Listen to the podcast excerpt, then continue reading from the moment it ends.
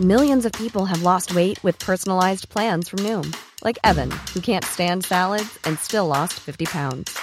Salads, generally, for most people, are the easy button, right? For me, that wasn't an option. I never really was a salad guy. That's just not who I am. But Noom worked for me. Get your personalized plan today at Noom.com. Real Noom user compensated to provide their story. In four weeks, the typical Noom user can expect to lose one to two pounds per week. Individual results may vary. Millions of people have lost weight with personalized plans from Noom, like Evan, who can't stand salads and still lost 50 pounds. Salads, generally, for most people, are the easy button, right? For me, that wasn't an option. I never really was a salad guy. That's just not who I am. But Noom worked for me. Get your personalized plan today at Noom.com. Real Noom user compensated to provide their story. In four weeks, the typical Noom user can expect to lose one to two pounds per week. Individual results may vary. Ready to pop the question? The jewelers at BlueNile.com have got sparkle down to a science with beautiful lab grown diamonds worthy of your most brilliant moments. Their lab grown diamonds are independently graded and guaranteed identical to natural diamonds, and they're ready to ship to your door. Go to BlueNile.com and use promo code LISTEN to get $50 off your purchase of $500 or more. That's code LISTEN at BlueNile.com for $50 off. BlueNile.com code LISTEN. I can discuss some of the psychological aspects of the case. You've got to get a hold of yourself. Now look here, Johnson, I'm going to get to the bottom of this. I can discuss some of the psychological aspects of the case. And you're really crazy, you know that? Oh, yes, I remember that. Is this any concern of yours? Stop, stop, stop it now, I mean it. Ja, hei, det er psykolog Sondre Livre her. Diagnosen er dessverre svært alvorlig. Viser seg at alt du tenker og føler er feil. Du må for all del ikke stole på hjernen din, den lyver. Alt du opplever er filtrert via nevroser fra ubevisste avkroker. Hvis du følger nøye med, er det en liten mulighet for at jeg kan hjelpe deg. I discuss some of the I discuss some of the I discuss some of the psychological aspects of the case. Oh, I'm just losing my mind, that's all.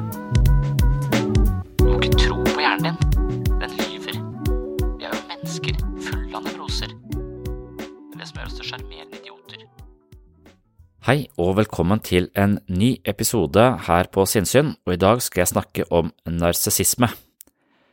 Narsissisten tar plass i vår kollektive fantasi.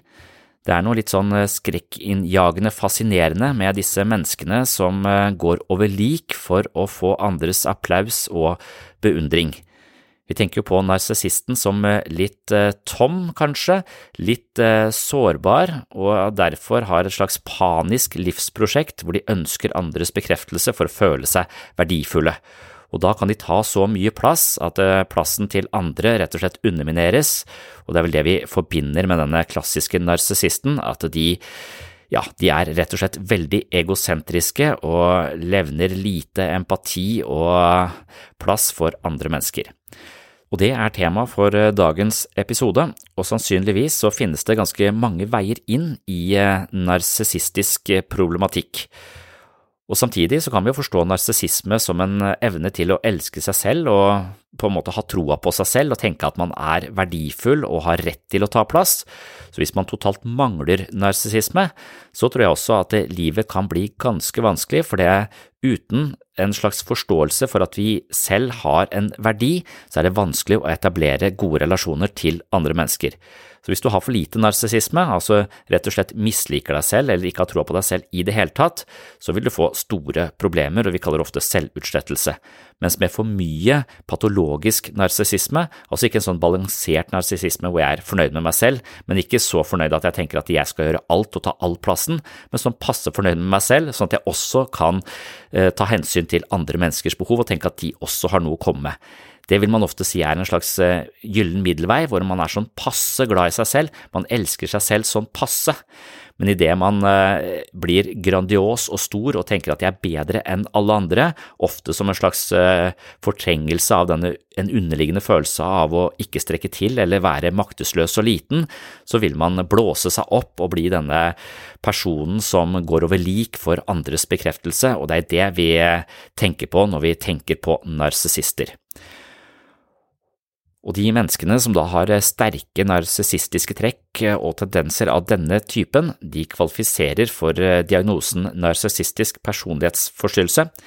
Det er egentlig ikke en diagnose man opererer med i Norge, men karakteristikken ligner det vi kaller dyssosial personlighetsforstyrrelse og man antar at rundt 0,6 av den norske befolkningen befinner seg i dette spekteret, altså alvorlig selvopptatt på et nivå som virkelig forstyrrer relasjonene dine og gjør deg såpass selvsentrert at du blir vanskelig å være sammen med. Og Ifølge den amerikanske diagnosemanualen kjennetegnes da en sånn patologisk narsissist av eh, en del eh, karaktertrekk som ikke er spesielt attraktive, vil jeg si. De har blant annet en overdreven oppfatning av egen betydning, det som kalles grandiositet.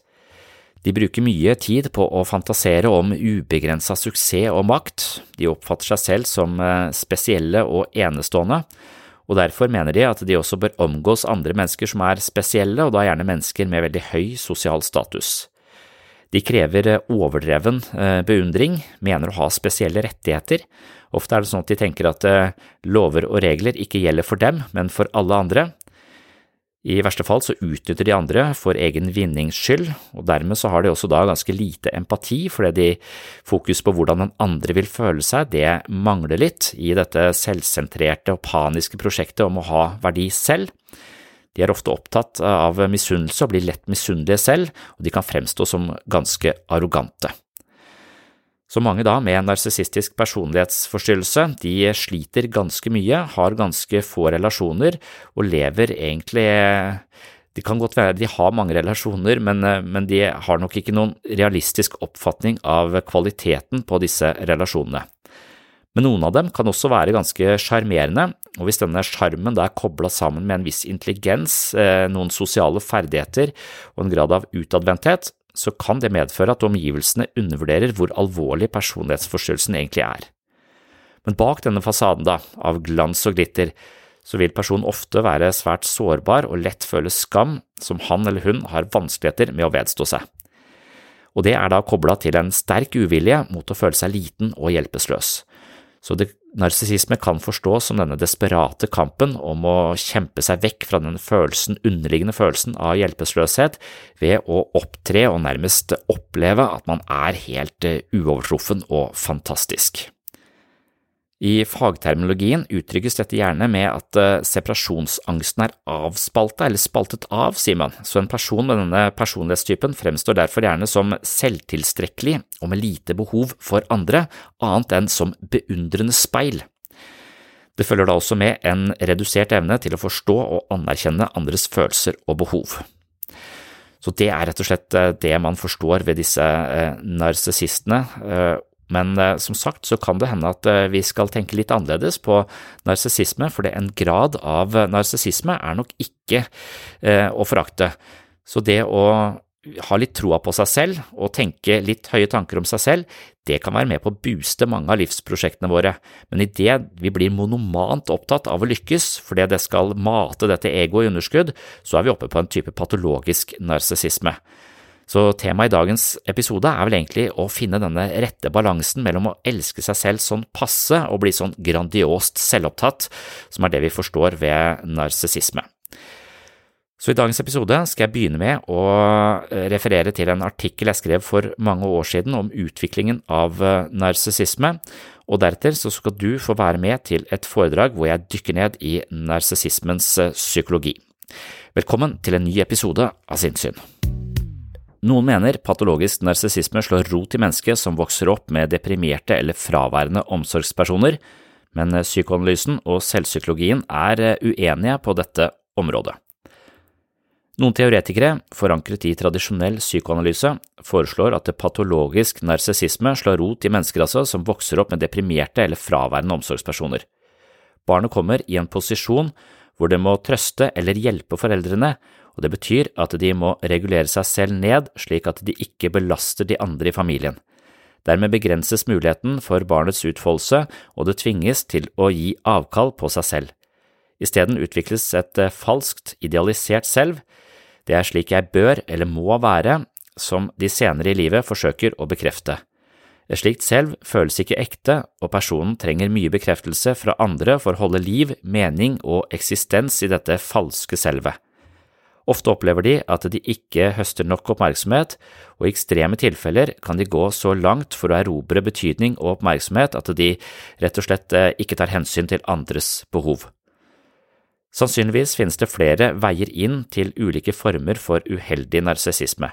Blant annet ser man at barn som i liten grad møter motstand, blir hjulpet og ivaretatt så mye at utviklingen av egne ferdigheter undermineres, blir tilfredsstilt umiddelbart og sjelden frustrert av sine foreldre, altså ikke lærer seg frustrasjonstoleranse, kan utvikle en unyansert oppfattelse av egen innflytelse og viktighet i tilværelsen. Det å bli voksen handler om å oppdage at foreldre og andre mennesker har egne behov, at vi ikke er tilværelsens midtpunkt. Man må ta hensyn til andres ønsker og følelser for å bli en positiv del av det sosiale fellesskapet, og dette lærer barnet gjennom en oppvekst med et omsorgsfullt eh, miljø som evner å sette tydelige grenser på en vennlig måte. Dersom barnet ikke får grenser, men isteden får sin vilje og løftes gjennom livet uten motstand, risikerer man at barnet ikke utvikler sin egen motivasjon og beholder altfor høye forventninger til omgivelsene. Det vil si at man da senere i livet sannsynligvis vil bli mye skuffa og ha en slags uh, høy forventning til hva andre skal gjøre for meg, og litt lite uh, innsikt i hvordan man selv skal bidra til omgivelsene. I slike sammenhenger kan man også se trekk som minner om eh, narsissisme i kraft av lite omtanke for eh, disse andre menneskene, og at man føler seg ganske suveren i forestillingen om sin egen viktighet. Så det er selvfølgelig ikke noe spesielt eh, greit sted å være, og i teoriene til Young og Klosko, som har disse negative levereglene som jeg ofte snakker om her på podkasten, så dreier det seg her om en leveregel de kaller selvberettigelse. Altså, man føler seg berettiget andres omsorg, hjelp og osv., uten at man selv ser at man også har et ansvar til å hjelpe andre. Men i denne innledningen skal jeg først og fremst se på utviklingen av narsissisme i relasjon til Kohut sin teori om selvpsykologi. Heinz eh, Kohut, opphavsmannen til eh, selvpsykologien, hadde sin opprinnelse i tradisjonell psykoanalyse, men på noen punkter var han uenig i de psykoanalytiske konseptene, og utviklet derfor en egen retning som siden da ble kalt selvpsykologi. Uoverensstemmelsene med psykoanalysen handlet blant annet om ulike forståelser av narsissismens vesen. Kout definerer narsissisme som en slags eh, besettelse i selvet. Kullberg kaller det for selvkjærlighet. Kout har også bidratt mye til utviklingen av narsissismebegrepet, ettersom man antar at narsissisme er et fenomen som opptar opp mot halvparten av menneskets syke. Narsissisme er et begrep som brukes innenfor psykoanalytisk og psykodynamisk teori, og Kohut er derfor på ingen måte opphavsmannen til psykologiens narsissismebegrep, men det blir sagt at Kohut har gjort det samme for narsissisme som Freud gjorde for seksualitet. Sannsynligvis handler det om at Kohut foreslo en mer nyansert og mindre dømmende holdning til narsissisme som fenomen. Istedenfor å innta en fordømmende holdning til narsissisme og bruke sine terapeutiske krefter på å minimere tilstedeværelsen av narsissisme hos pasienter, slik de klassiske psykoanalytikerne gjorde, vil Kohut forstå og studere narsissisme med en mer åpen og tolerant holdning. Og det her er eh, egentlig ganske interessant og i tråd med det jeg skal snakke om litt senere i episoden. Det er nok eh, det å forstå narsissisme som eh, over halvparten av menneskets psykiske maskineri, det tror jeg er ganske sant. Jeg tror veldig mye handler om å føle seg elsket nok, og hvis vi blir elsket nok, så kommer vi i den posisjonen hvor vi klarer å elske oss selv, og det vil være utgangspunktet for å gidde å gjøre noe som helst. Det er liksom motoren i ethvert livsprosjekt. Du må kjenne at du har en verdi, du må kjenne at du er verdt å elske, du må kjenne at du har en kompetanse for rett og slett å kultivere egenskapene dine og bidra i fellesskapet. Uten denne følelsen av å være delvis fornøyd med seg selv, så, så, tror jeg det blir vanskelig å leve.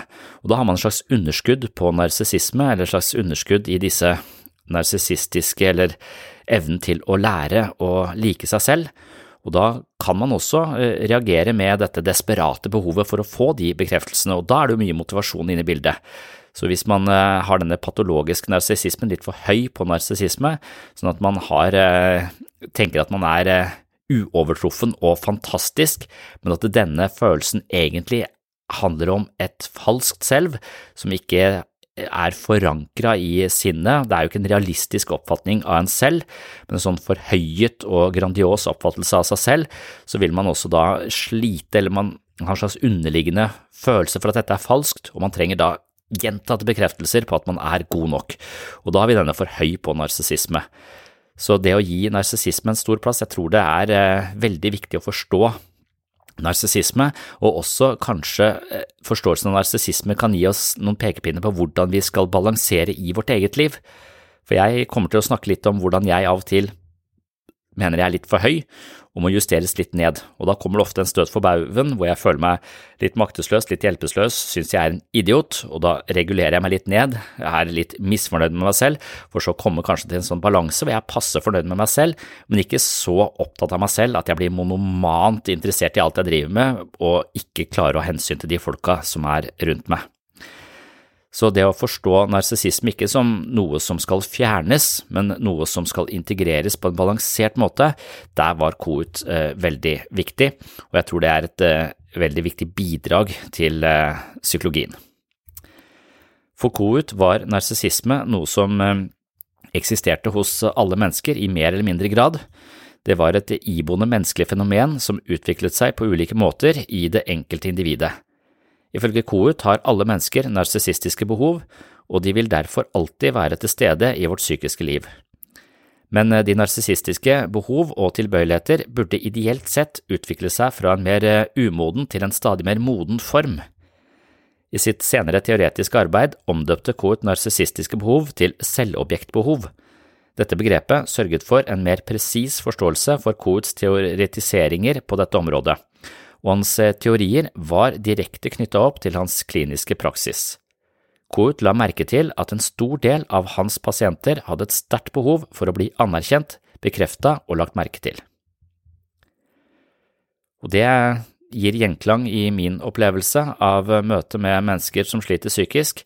Mange av de er underernært på bekreftelse, omsorg, forståelse og aksept, og de higer etter eh, dette. Noen prøver å unngå det fordi de er så redd for å bli skuffa.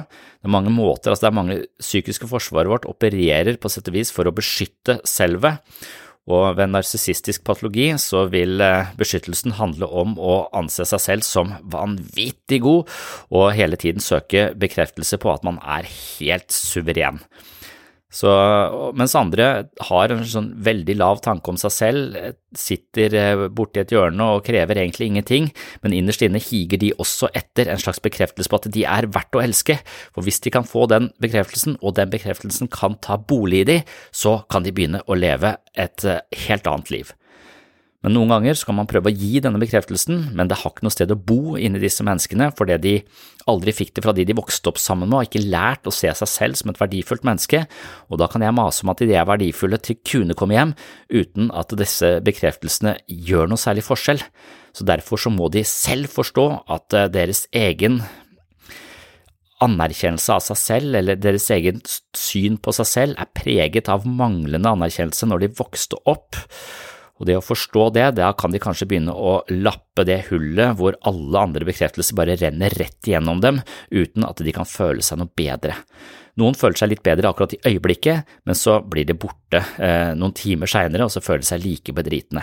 Så det å virkelig klare å ta til seg andres anerkjennelse og aksept og ros og så videre, og, og bruke det til å tenke på seg selv som et litt mer verdifullt menneske, det er en viktig del av den terapeutiske prosessen for mange mennesker som ligger lavt på dette narsissismespekteret.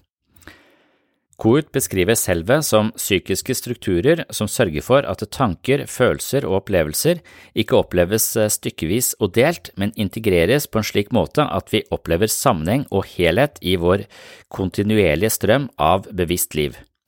Ifølge KOUT skal vi forstå selvobjekter som et sett av objekter vi opplever som uløselig knytta til vårt eget selv. Betydningsfulle relasjoner opplevelser og gjenstander skriver seg inn i vårt psykologiske bokholderi og blir integrert i selvet. Siden vil disse selvobjektene ha viktige funksjoner i vårt møte med nye erfaringer. Hvordan vi håndterer nye opplevelser, regulerer følelser og integrerer nye erfaringer, avhenger og influeres av tidligere selvobjektforhold. Barnet trenger omsorgspersoner som klarer å leve seg inn i barnets behov på en empatisk måte, og dermed besørge barnets behov på tilfredsstillende vis. Omsorgspersoner som klarer å fylle denne rollen, med ubetinga kjærlighet, varme og tilstedeværelse, kan forstås som empatiske selvobjekter. For barn er det avgjørende at oppvekstmiljøet har slike empatiske selvobjekter, fordi det på sett og vis legger grunnlaget for barnets følelse av helhet, harmoni og vitalitet. Det er via disse empatiske selvobjektene at barnet lærer å være empatisk mot seg selv, altså elske seg selv og se sin verdi, og det vil være utgangspunktet for å gå inn i balanserte og gode relasjoner til andre mennesker. Korterud, som er eh, en av Norges eh, ledende eksperter på personlighetsforstyrrelser, snakker om selvobjekter som den funksjonen og meningen et annet individ, et dyr, en ting, en kulturell manifestasjon, eller det man kaller en artefakt, eller en kulturell tradisjon har for å opprettholdelse av en følelse av å ha et sammenhengende og meningsfullt selv. Et individ kan i så henseende ha mange ulike selvobjekter, og disse objektene kan praktisk talt være hva som helst. Men de mest avgjørende selvobjektene er som regel et annet menneske, og de dypeste og aller mest betydningsfulle er som regel våre foreldre. Det som først og fremst karakteriserer et selvobjekt, er dets evne til å enten styrke eller forringe vår fornemmelse av selve. Selvobjektsbehov er derfor direkte knytta til de mest grunnleggende strukturene i vår selvfølelse, nemlig kjerneselvet, og de forankres sånn sett i det mest fundamentale av alle emosjonelle kvaliteter. Dersom strukturene i kjerneselvet fragmenteres eller skades som et resultat av sviktende selvobjektsbehov, vil dette gi seg utslag i alle våre følelsesmessige opplevelser. Selvet som representant for vårt mentale balanserte liv og indre ro kan altså skades dersom våre selvobjektsbehov ikke dekkes på en god nok måte. Det kan deretter gi seg utslag i angst, ukontrollerte følelsessvingninger og mangel på oversikt og kontroll over vårt psykologiske apparat. Så kort sagt så er det rett og slett at de opplevelsene vi har med tingene i omgivelsene våre som har betydning, de integreres og blir et slags bærebjelker i livet senere. Så hvis vi har mennesker som er eh, fornøyd med oss, viser at de elsker oss, støtter oss, veileder oss på en god måte, så vil de menneskene internaliseres i oss, og vi kan bruke denne støtten til å støtte oss selv når vi da står på egne ben litt senere i livet. Denne typen relasjoner vil fungere som bærebjelker senere i livet vårt.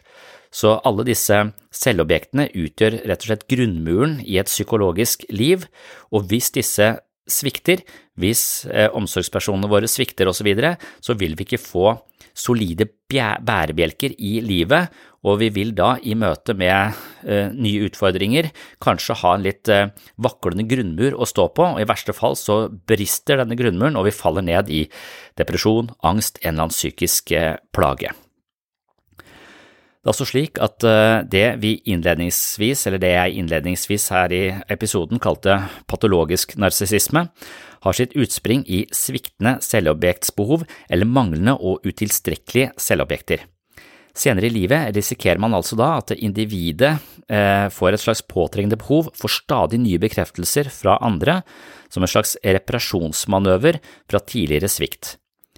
I verste fall blir personens tilværelse en endeløs kamp for andres bekreftelse, og et slikt behov minsker vår evne til empatisk innlevelse og hensyn til andre mennesker.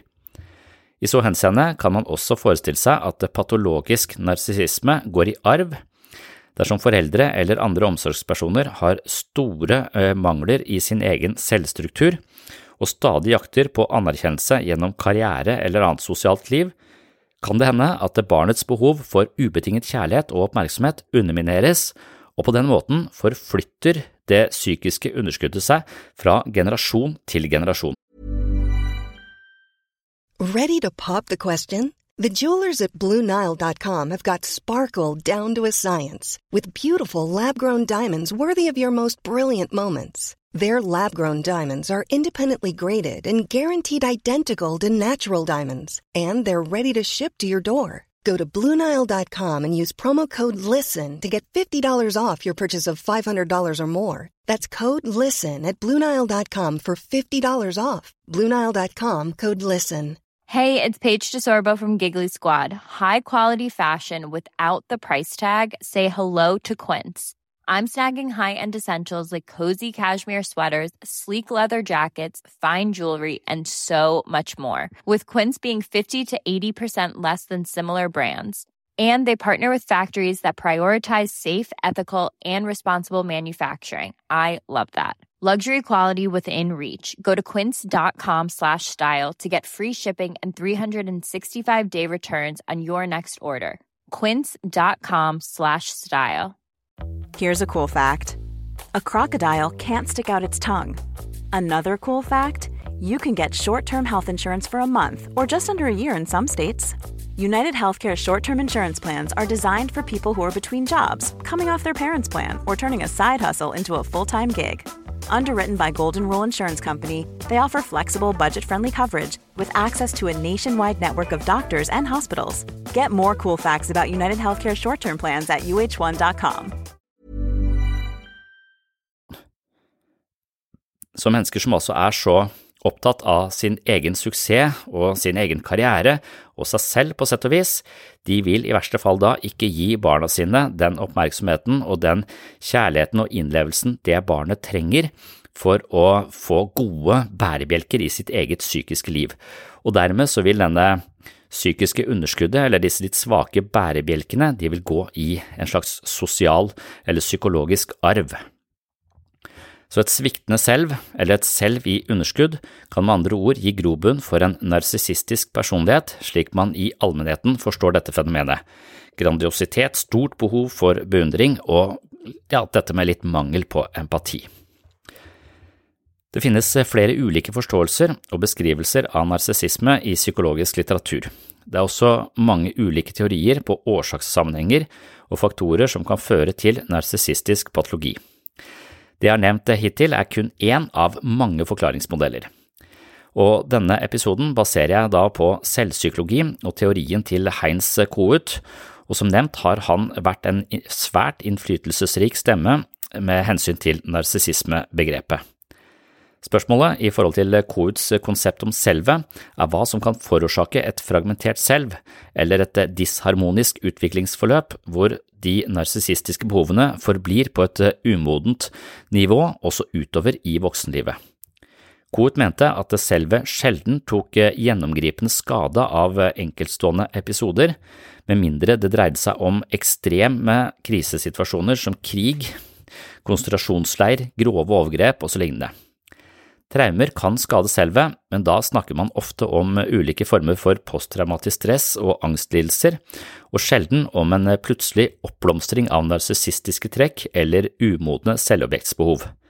Så det vil jo da si at uh, narsissistisk utvikling, altså det å vokse inn i en uh, narsissistisk personlighetsstruktur hvor man uh, jobber besatt for å få andres kjærlighet og anerkjennelse, det er ikke noe som eh, dukker opp hvis man utsettes for eh, et plutselig traume eller kommer i en krisesituasjon, selv om denne krisesituasjonen varer over litt lengre tid.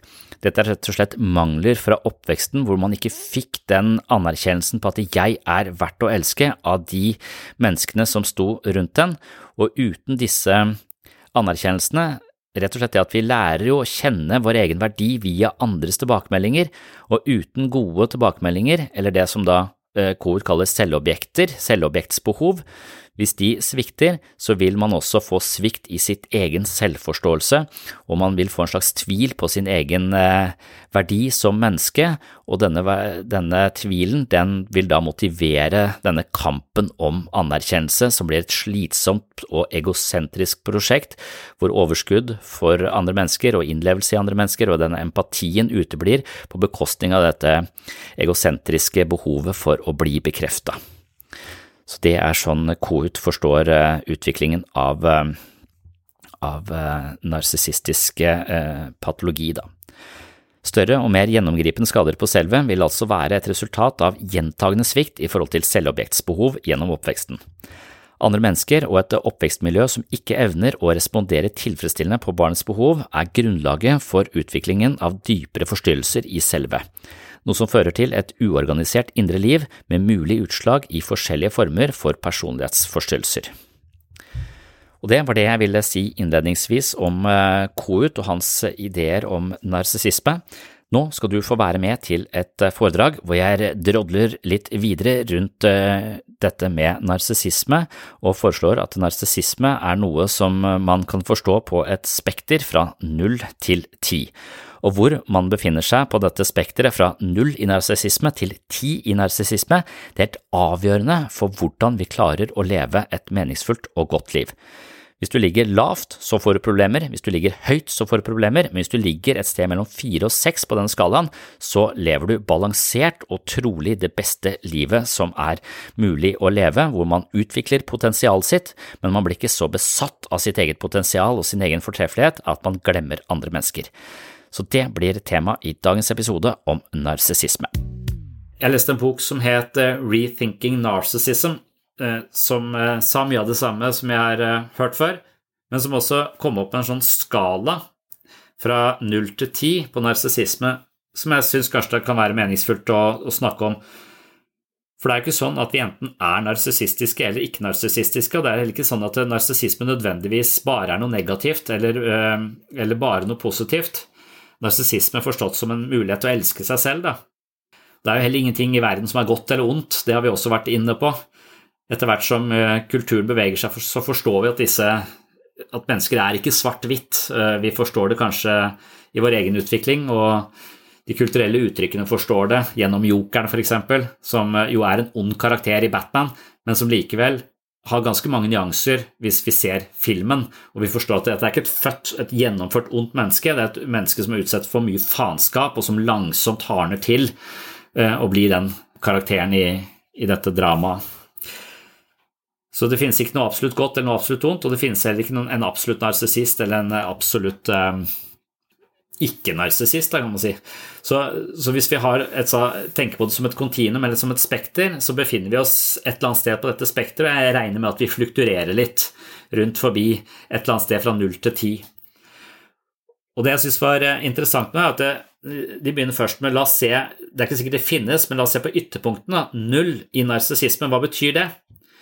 Og Det betyr jo rett og slett at vi lever totalt avholdende fra andres altså bekreftelser. Vi trenger ingen bekreftelser fra andre, og det er egentlig et forferdelig sted å være.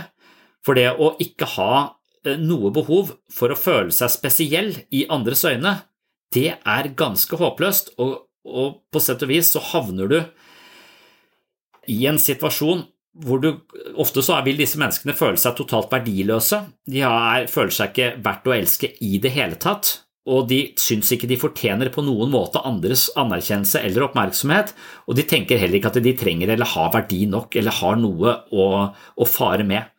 Så denne følelsen av å ikke trenge å bli sett på noe som helst måte, for det er ikke spesielt på noe som helst måte, da er det veldig vanskelig å ta initiativ. Det er i det hele tatt vanskelig å, å gjøre noe som helst. Hvorfor skal du gidde å stå opp om morgenen, egentlig?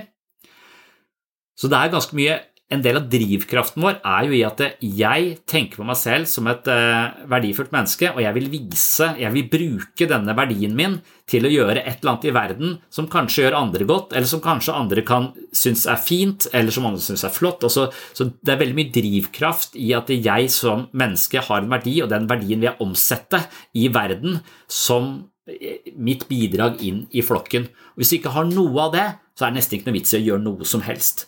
Så det er en ganske sånn fryktinngytende posisjon. Så null på denne narsissismeskalaen, som det kommer fram i denne rethinking narcissismen, det er et ganske vanskelig sted å være.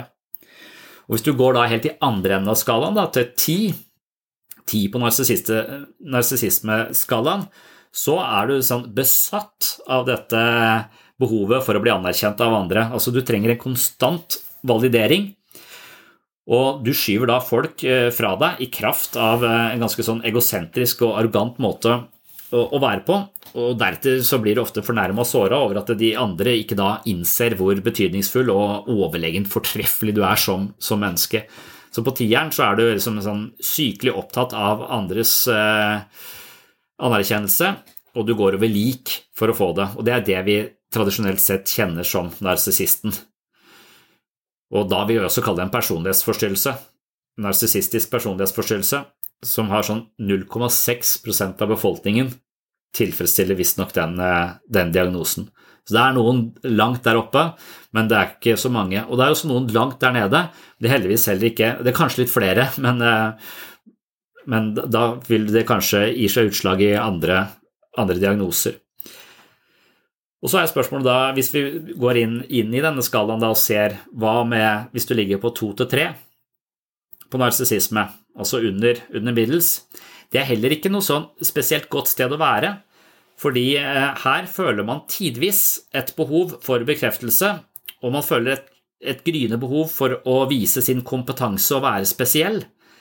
Men eh, det er ganske sjeldent, og når man først føler det, så vil det være noe man ikke er særlig komfortabel med og lett undertrykker.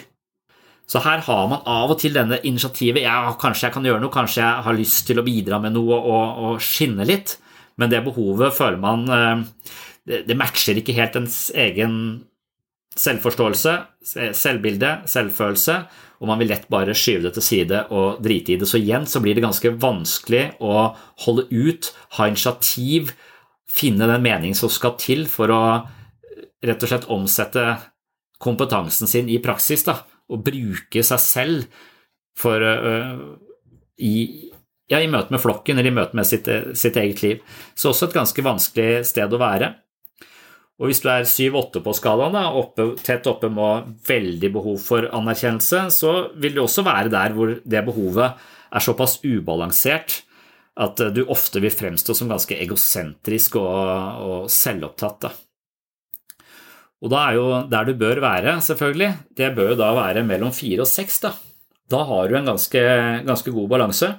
Det betyr at du da har et ønske og en drivkraft. Du ønsker å ha suksess, du ønsker å ha betydning, men du blir ikke oppslukt av det. Så dermed så kan du på en måte ha drivkraften som skal til for å skape noe i livet ditt, men eh, dersom andre trenger din eh, oppmerksomhet eller din støtte eller din, eh, din tilstedeværelse, så kan du legge dette fra deg og, og vie oppmerksomheten der den, der den trengs. Da. Så dermed så tenker jeg at narsissisme er ikke en fastlåst størrelse, men heller noe som flukturerer, at vi som mennesker flukturerer på denne skalaen fra, fra 0 til, 10. Og jeg kjenner ganske godt igjen dette. Jeg tror jeg har hatt en slags barometer i mitt eget hode når det gjelder dette med hvor befinner jeg meg på denne narsissismeskalaen. Og jeg vet at det å ligge da rundt et sted mellom fire og seks er vanskelig, men når du klarer det helt optimalt, for da har jeg den der drivkraften i livet mitt, samtidig som jeg blir ikke monomant opptatt av å skrive den boka. Når jeg tidligere i livet mitt har ligget mye høyere, syv-åtte vil jeg si, jævlig opptatt av å synes, så ble prosjektene mine veldig selvsentrerte. Jeg hadde veldig lite kapasitet til å se folk rundt meg. Jeg var bare sykelig opptatt av å f.eks. skrive den boka, eller folk skal se hva jeg har tenkt, eller et eller annet sånt noe. Når jeg skriver nå, så handler det ikke om å gi det ut engang. Kanskje jeg gir ut noe om ett år, to år, tre år, fire år, fem år. Men jeg er opptatt av det, har en drivkraft i det, men jeg kan lett legge det til side for å bruke energien min på noe på de folka som er rundt meg, f.eks. Og den balansen er helt fantastisk, for da blir du ikke Du blir ikke besatt, og du jobber Du føler ikke heller at du jobber for et underskudd. Jeg må bli sett for å overleve-feelingen som er der oppe på narsissismeskalaen. Også når jeg er vært for høyt, så kommer også depresjonen, og jeg har jo av og til kalt den for en slags nødvendig justering av mitt eget ego etter hvert nå som jeg merker at jeg i, perioder kan være litt sånn nedfor og nedtrykt, så tror jeg det er fordi jeg Hvis det handler om dette i det hele tatt, ikke handler om ytre hendelser i livet mitt, så kan det ofte være at jeg har tenkt at jeg er litt for høy på meg sjøl, eller jeg har følt det. Og da kommer på sett og vis depresjonen inn som en slags regulering av mitt eget ego, sånn at jeg plutselig går ned på en, eh, en to-tre og tenker jeg er helt verdiløs, jeg sitter og babler, kan jo ingenting. Og så kommer den, den følelsen inn, full av skam egentlig, og bare lyst til å gjemme meg. Og, men jeg vet at det ofte er en slags nedjustering, så det må til for å havne på midten igjen. Og på midten er det vanvittig bra. Og hvis jeg da har denne skalaen som et slags visuelt bilde inni hodet mitt, så kan jeg også, når jeg merker at jeg blir litt monoman og litt for opptatt av å, å, å synes, så kan jeg med, vilje legge ting til side for å regulere meg selv ned før jeg går så høyt at jeg havner helt ned i Før jeg blir bipolar, da. Bipolar ikke forstått som en diagnose, men, men som en slags uh, bølger i eget liv. Nei, det er et veldig negativt Det er kanskje derfor den boka heter Rethinking Narcissism, for det, narsissisme er et, som du sier, et negativt uh, uttrykk. Vi ser på det som noe fordi vi assosierer det med historien om narsissus som ble forelska i sitt eget selvbilde. Sånn selvopptatt, navlebeskuende, egosentrisk, kanskje arrogant og rett og slett lite empatisk, da. Fordi at det underskuddet fører til et veldig fokus på seg sjøl. Men, eh, men sånn, det er her sånn mangel på fokus på seg selv er jo selvutslettelse. Så det er jo denne å finne denne cutoffen hvor man elsker seg selv på en sånn passe god måte. For det er jo eh, Aristoteles Det er jo ikke uten videre at han faller ned på at det er, viktig, det er viktigere å elske seg selv enn andre. For hvis ikke du elsker deg selv, så er det eh, veldig, veldig vanskelig å for det første drifte et liv, ha initiativ, gjøre noe av oppriktig kjærlighet. For kjærligheten forsvinner. Det kan godt være du med lav selvfølelse eller lav på narsissismeskalaen gjør mye for andre fordi du føler du ikke fortjener, ofrer deg fordi du ikke føler du fortjener bedre. Men da gjør du det ofte ikke av nødvendigvis av kjærlighet og overskudd. Du gjør det for å kompensere, på sett og vis. For det er jo sånn, eh, akkurat hvordan de forklarer dette, at eh, hvis ikke du kommer godt gjennom denne fasen hvor du forelsker deg i deg selv, eller som Kout sier, at du rett og slett bare får bekreftelse på at du er en fantastisk menneske som er verdt å elske. Så lenge du ikke har den, så vil det forkludre alle relasjonene dine, for kampen om å få det vil overta. Så idet du liksom da har denne Det er veldig vanskelig å like mennesker som, eh, som ikke liker seg selv. For på en eller annen måte så vil du også utstråle at du tenker selv at du har liten verdi eller er ubetydelig, og du ansporer kanskje andre til å behandle deg på samme måte, og du kan da kanskje anspore andre til å behandle deg på en dårlig måte, selv om de egentlig i utgangspunktet ikke er et dårlig menneske. Så det, det, for, det, er, det er, derfor de sier at da er det fryktelig vanskelig å skape gode relasjoner. Det er en forutsetning for å ha gode relasjoner at man er rimelig glad i seg selv. Og Der tror jeg mange har en jobb å gjøre i dette systemet. Jeg tror veldig mange kommer inn her for det første med en slags forståelse av jeg vil helst ikke være narsissist, jeg vil helst ikke være selvopptatt, jeg vil ofre meg for alle andre, og at det er en god ting, og at det å elske seg selv blir sett på som noe, noe mindre attraktivt.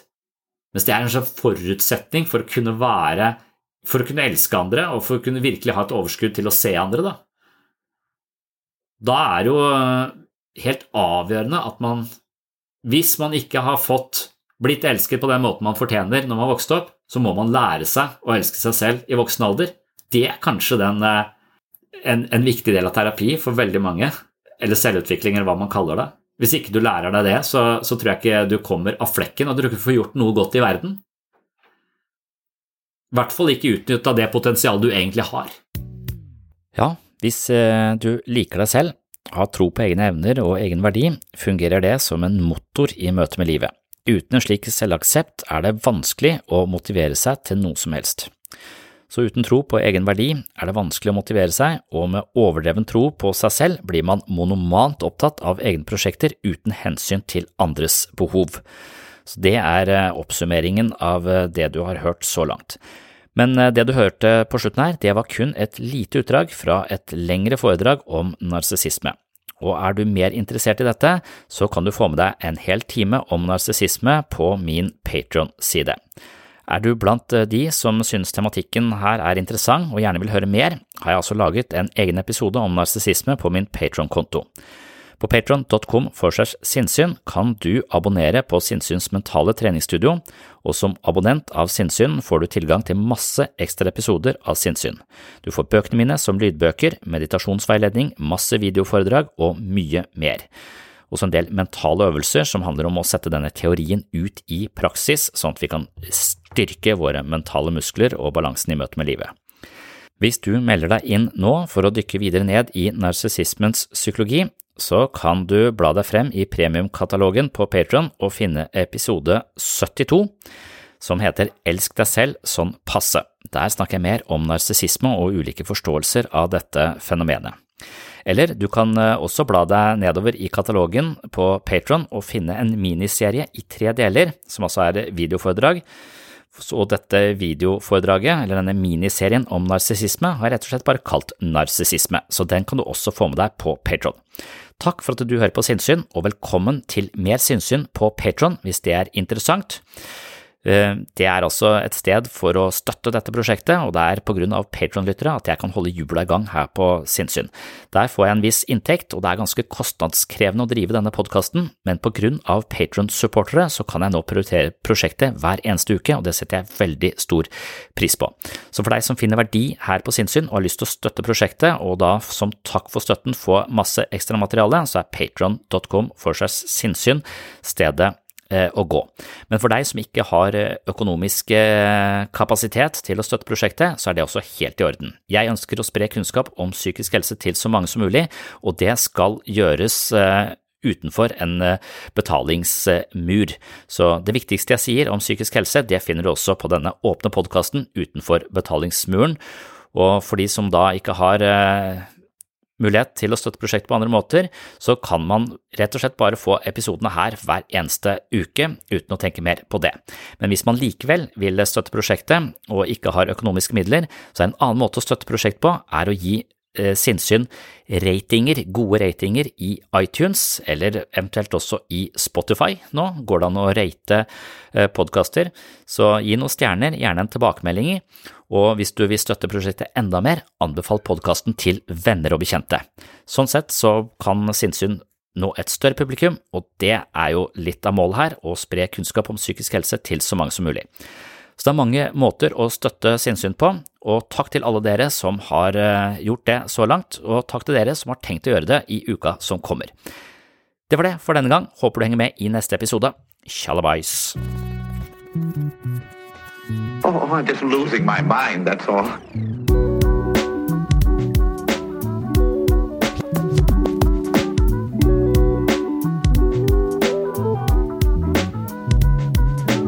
I can discuss some of the I can discuss some of the I can discuss some of the psychological aspects of the case. Psycho, psycho, psychological aspects